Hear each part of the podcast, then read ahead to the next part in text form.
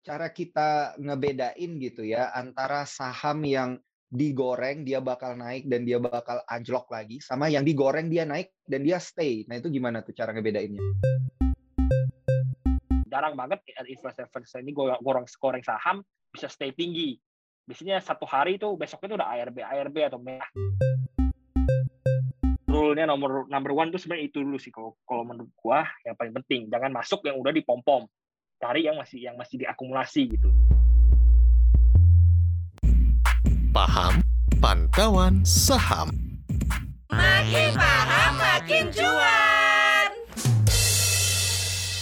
Halo Sobat Cuan, balik lagi bareng gue Daniel Wiguna di studio Cuap-Cuap Cuan dalam konten kita paham pantauan saham bareng gua Triputra dari tim Research Indonesia dan seperti biasa, tiap hari Senin kita kali ini akan membahas topik yang menarik banget, yaitu trading dan cuan di saham gorengan. Ini mumpung masih awal bulan nih bro, masih awal-awal September, katanya IHSG atau market itu 60% kemungkinannya bakal terkoreksi gitu. Nah, tapi ini kan bisa dijadikan satu momentum ya buat emiten-emiten yang dibilang saham-saham gorengan gitu. Nah, ini gimana sih sebenarnya buat manfaatin momentum kayak gini? Silakan bro. Ya, biasanya kan memang kalau pickup yang kagak main yang main tuh saham-saham gorengannya. Tren-trennya dari dulu seperti itu gitu. Dan biasanya saham gorengan juga nggak pengaruh. Ya merah pink mm-hmm. biru kalau bisa biru ya.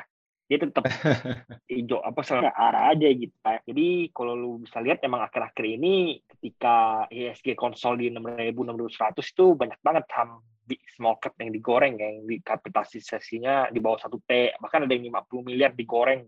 Itu kan kalau goreng ah. saham market cap 50 miliar itu gampang gitu. Jadi uh akhir-akhir ini emang banyak small cap yang terbang gitu digoreng. Hmm. Nah ini kan kita mulai dari kemudahan menggoreng saham gorengan gitu ya bro ya. Kan lu selalu hmm. bilang kalau dia market capnya kecil itu gampang banget gitu orang orang-orang yang punya dana lebih gitu ya lebih daripada retail sedikit ini untuk menggoreng gitu. Jadi biasa modalnya berapa sih sebenarnya ini kalau sobat cuan boleh tahu nih? Ini kalau sopo menyalahin nih cuman kasih tahu doang gitu bukan gue nyalain suruh gue uh. tapi memang sebenarnya nggak perlu banyak gitu nggak, nggak perlu sampai ratusan m gitu. Itu 25 persen. Berarti dua puluh lima persen dari 50 itu kan itu kan cuma 12 Ada m doang kan 12,5 ya, lu nggak uh perlu ya berarti yang yang berarti yang jumlah saham publik itu kan 12 m doang. Biasanya kan pemegang pengendali itu sifatnya dalam bentuk warkat atau emang mereka emang susah jualan. Kalau jualan mereka harus keterbukaan gitu. Jadi ribet. Biasanya mereka nggak jualan. Mm. kecuali emang ada ada ada waktu apa ada event, khusus gitu. Atau memang dia udah pengen exit.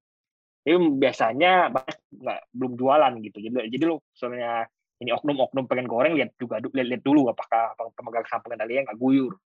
Nah kalau misalnya hmm. emang guyur ya berarti yang saham dan cuma 12 M doang. Nah, 12 M lu mm -hmm. cukup, lu kuasai 5 M, 4 M, 2 M, lu pakai limit udah bisa lu terbangin itu saham gitu. Jadi sebenarnya nggak perlu uang banyak gitu buat goreng saham-saham ini kayak gini gitu. Lu modal 1 M, 2 M udah bisa terbangin gitu. Hmm, modal berarti... mental aja biasanya. modal mental ini modal risiko gimana? Modal risikonya nih gimana nih? Ada nggak sih kemungkinan kalau ada orang yang iseng-iseng gitu ya dia udah hitung-hitung oh ini ternyata kalau mau goreng modalnya nggak gede-gede amat. Terus sengaja dinaikin sama dia gitu. Terus kemudian pada akhirnya gak ada yang beli dia diguyur. Enggak bukan masalah guyur. Sebenarnya kan tadi gue bilang kalau misalnya seperti gini biasanya aku selalu pengen cari yang gampang digoreng biasanya lu carinya yang udah kesebar rata di retail. Jadi bandarnya udah cabut lagi bisa hmm. banyak di retail jadi kalau karena gue bilang pemegang saham pengendali most likely nggak bakal guyur, ah, nggak ada yang most likely bakal guyur gitu. Paling jualan kecil-kecil gitu. Jadi masalah lu ketika lu terbangin itu lu nggak bisa jualan doang. Aku selalu pengen jual sebaik hmm. supaya ya nggak ribet lu bikin aja bit palsu, lu bikin aja volume gitu buat panggil retail ya udah nanti lama-lama juga retailnya apa datang. Nah, jadi biasanya oknum-oknum gorengnya kayak gitu ya. Sebenarnya ini apa biasanya mereka nyarinya emang kayak gitu saham-saham kecil lalu publiknya kecil ya saham kayak gitulah. Bandar udah kagak ada. Uh, nah biasanya soalnya sobat okay. yang kecil-kecil yang ini retail retail ini ini mau mau nebeng doang gitu lah. Gimana sih nebengnya yang baik dan benar? Uh, uh.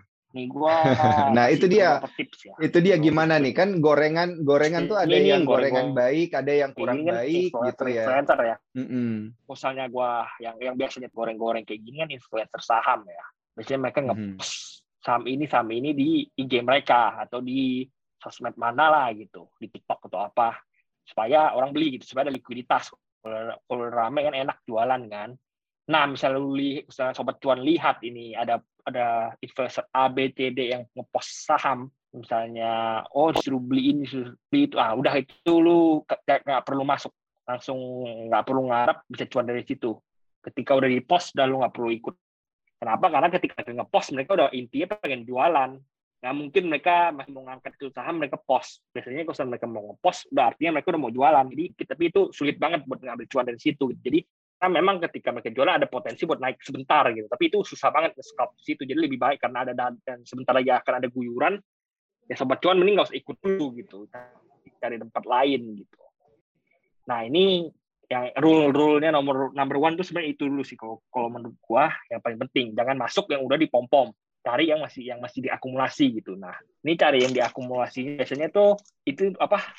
Sob ini udah jadi pengetahuan umum misalnya si broker apa si influencer A pakai broker A, influencer B pakai broker B gitu. Jadi ya udah apa sobat apa udah orang-orang tuh udah pada tahu gitu. Jadi tinggal tinggal dikira-kirain aja oh di saham mini ini ada yang makan gede gitu.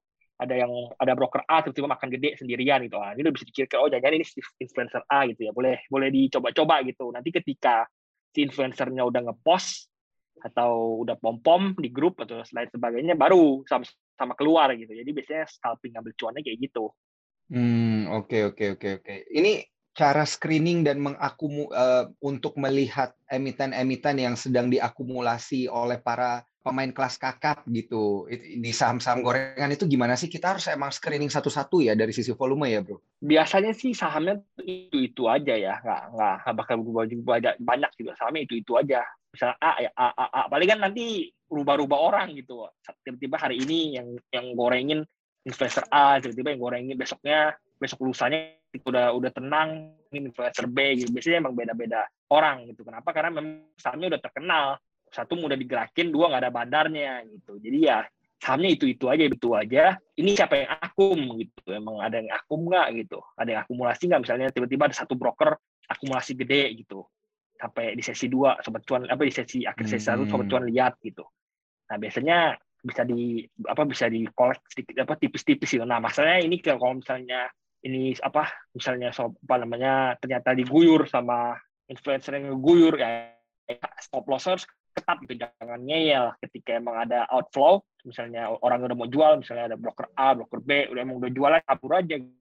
Nah, terpaksa cut loss terpaksa cut loss gitu. Hmm gitu ya. Berarti harus disiplin cut loss nih. Kalau misalnya sobat cuan mau ikut-ikutan nih gaya tradingnya para pemain-pemain kelas kakap itu. Nah biasanya itu kan kalau yang lu bilang tadi clue-nya adalah di saham-saham yang market cap-nya itu kecil gitu. Nah, clue-clue yang lain ini apa nih selain dari sisi market cap? Dari sisi sektoral apakah bisa kelihatan gitu? Kayak kita lihat sekarang saham-saham uh, teknologi misalnya kan atau bank-bank mini misalnya. Yang lain-lain gimana nih? Sebenarnya dari mana aja bisa, Bro. Yang penting market cap-nya kecil. Hmm. Misalnya udah agak gede, 20 T katakan 10 T. Mereka mau goreng juga berat gitu, nggak ada uang segitu gitu.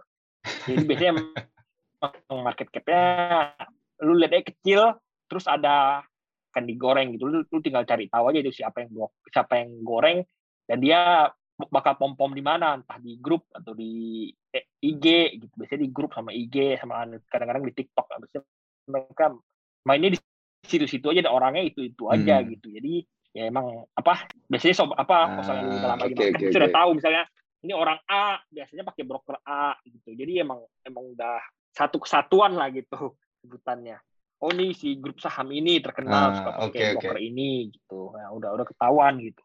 Nah, kalau kita lihat dari sisi indeks gimana? Kan kayak misalnya selain LQ45 sama IDX30 nggak mungkin lah ya kita dapat saham-saham gorengan di sana gitu.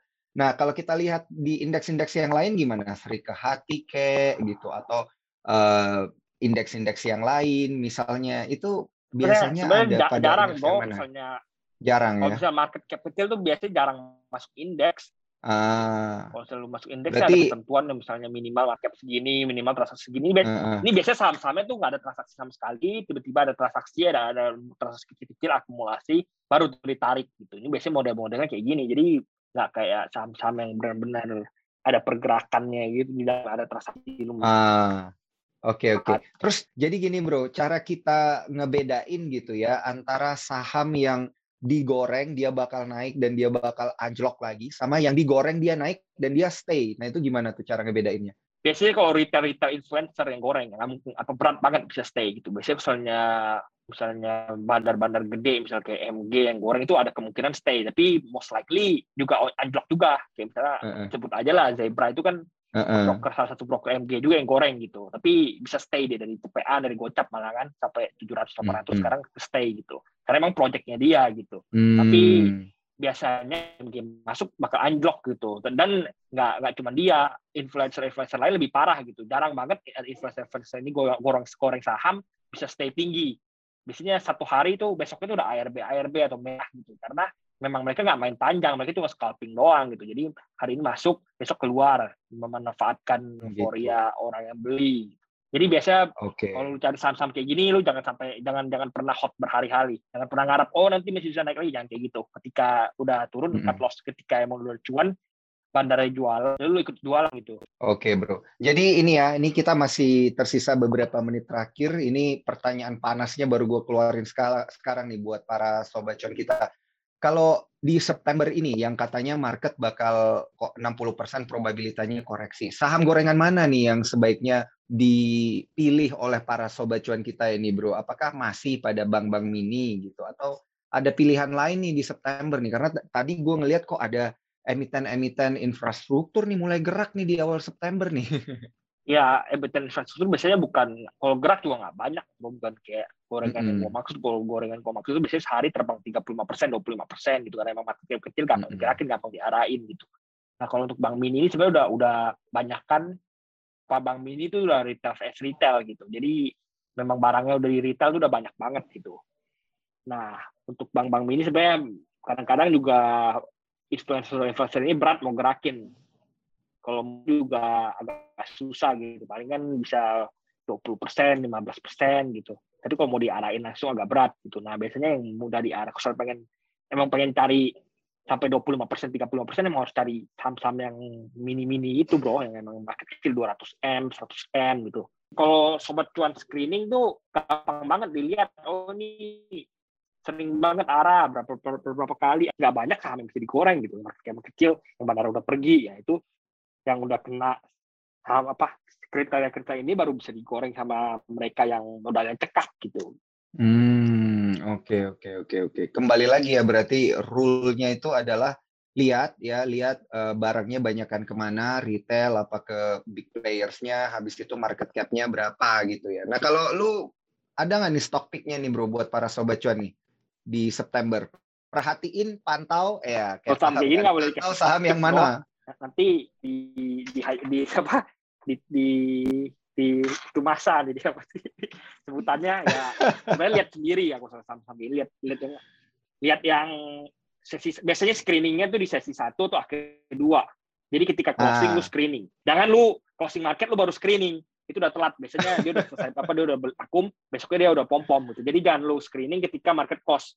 Sesi satu lu Hmm. screening kira-kira apa yang diakum lalu di sesi dua jelang penutupan itu kan apa 1250 atau 1240 kan masih bisa Mm-mm. beli saham ya 1250 itu juga masih bisa beli saham pakai pakai teknik precos yang yang udah sering gua omongin nah dari situ lu bisa screening oh ini ada akum ini ada akum itu jadi lu bisa misalnya lu screening sesi satu tuh atau sesi dua penutup penghujung acara itu jualnya besok paginya Hmm. bareng-bareng sama si influencer.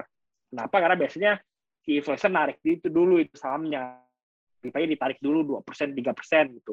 Biar langsung kelihatan, oh itu naik, naik ke mana. Baru mereka guyur-guyur itu uang gitu. Nggak usah, ikuti. Apa, Hmm. Karena dia udah mau guyur, tapi lu ikut guyur gitu. Barengan sama dia gitu. Jadi namanya juga lu Mm-mm. penumpang gelap nebeng dia ketika lu naik mikrolet gitu. Ya satu lagi ya juga jangan terlalu gede ya. Jangan sampai lu masuk gede-gede udah nanti lu jadi badalnya gitu diguyur sama dia karena oh ini ada penumpang gelap masuk kegedean lo guyur aja lah nggak usah ikut gitu nggak jadi digoreng gitu. Jadi ya masuknya satu nominalnya kecil nggak usah terlalu banyak nggak usah terlalu greedy. Lalu lu bisa cari di sesi satu sesi dua lu cari yang mana-mana. Di akum terus besoknya lu ikut jualan gitu. Makanya jualan lu ikut jualan tuh benar-benar penting banget jangan sampai di hold gitu. Jangan sampai ngarep oh 25 persen besok 25 persen lah. Itu kemungkinan besar nggak nggak nggak bakal kayak gitu. Kenapa? Karena mereka ini juga gitu. Cuman modalnya lebih gede gitu. Jadi ketika hmm. hari ini arah besok mungkin dibukanya hijau hijau tebel ya udah lu jualannya kayak gitu nggak perlu nggak perlu FOMO nggak perlu itu takut ketinggalan takut Mantap. lagi nggak perlu kayak gitu Mantap. Jadi rule of the game-nya agak beda ya kalau emang kita pengen tradingnya itu di saham-saham yang dikatakan gorengan gitu, Sobat John. Tapi moga-moga para Sobat John ini udah nangkep ya pesan-pesan dari Bro Putra. Tipsnya juga tadi udah dikasih, cuma stok picknya harus pilih sendiri ya Sobat Cuan. Supaya Bro Putra nggak diamuk masa nanti sembarangan ngomong. Karena kan emang pergerakan sahamnya ini agak karena emang agak sedikit apa, dinamis hari ini naik, besok tuh udah turun gitu. Jadi mm -hmm. turun terus sideways panjang. Misalnya gue kasih topik nggak? Iya, jadinya nanti Apa besok gak? aja udah nggak relevan gitu, gitu emang ya. harus lihat harian gitu. Mm -hmm. Iya benar. Okay. Jadi lo harus lihat, oh hari ini ini lagi digoreng, ikut yang ini gitu. Mm -hmm. Gitu Tapi yang penting Sobat Cuan udah tahu batasan-batasan dan cara milihnya dulu dan clue-cluenya juga seperti apa. Oke, para Sobat Cuan, Thank you banget nih udah dengerin konten kita di awal pekan ini. Semoga bisa lebih memperbanyak cuannya ya ini di bulan September ini yang katanya bakal ada market shake gitu ya. Tapi moga-moga enggak gitu. Jadi semuanya bisa tetap cuan gitu ya. Cuan selalu gitu. Apalagi kalau dengerin konten kita. Thank you banget. Jangan lupa follow kita juga di YouTube gitu ya. Karena paham kita ini paham on YouTube. Subscribe, like, dan juga share Kemudian follow kita di Spotify, Apple Podcast, dan juga Google Podcast. Cuap-cuap cuan. Instagram kita di cuap underscore cuan. Gua Daniel Wiguna pamit dan... Gua Triputra pamit dulu. Undur diri. Bye-bye. Bye-bye.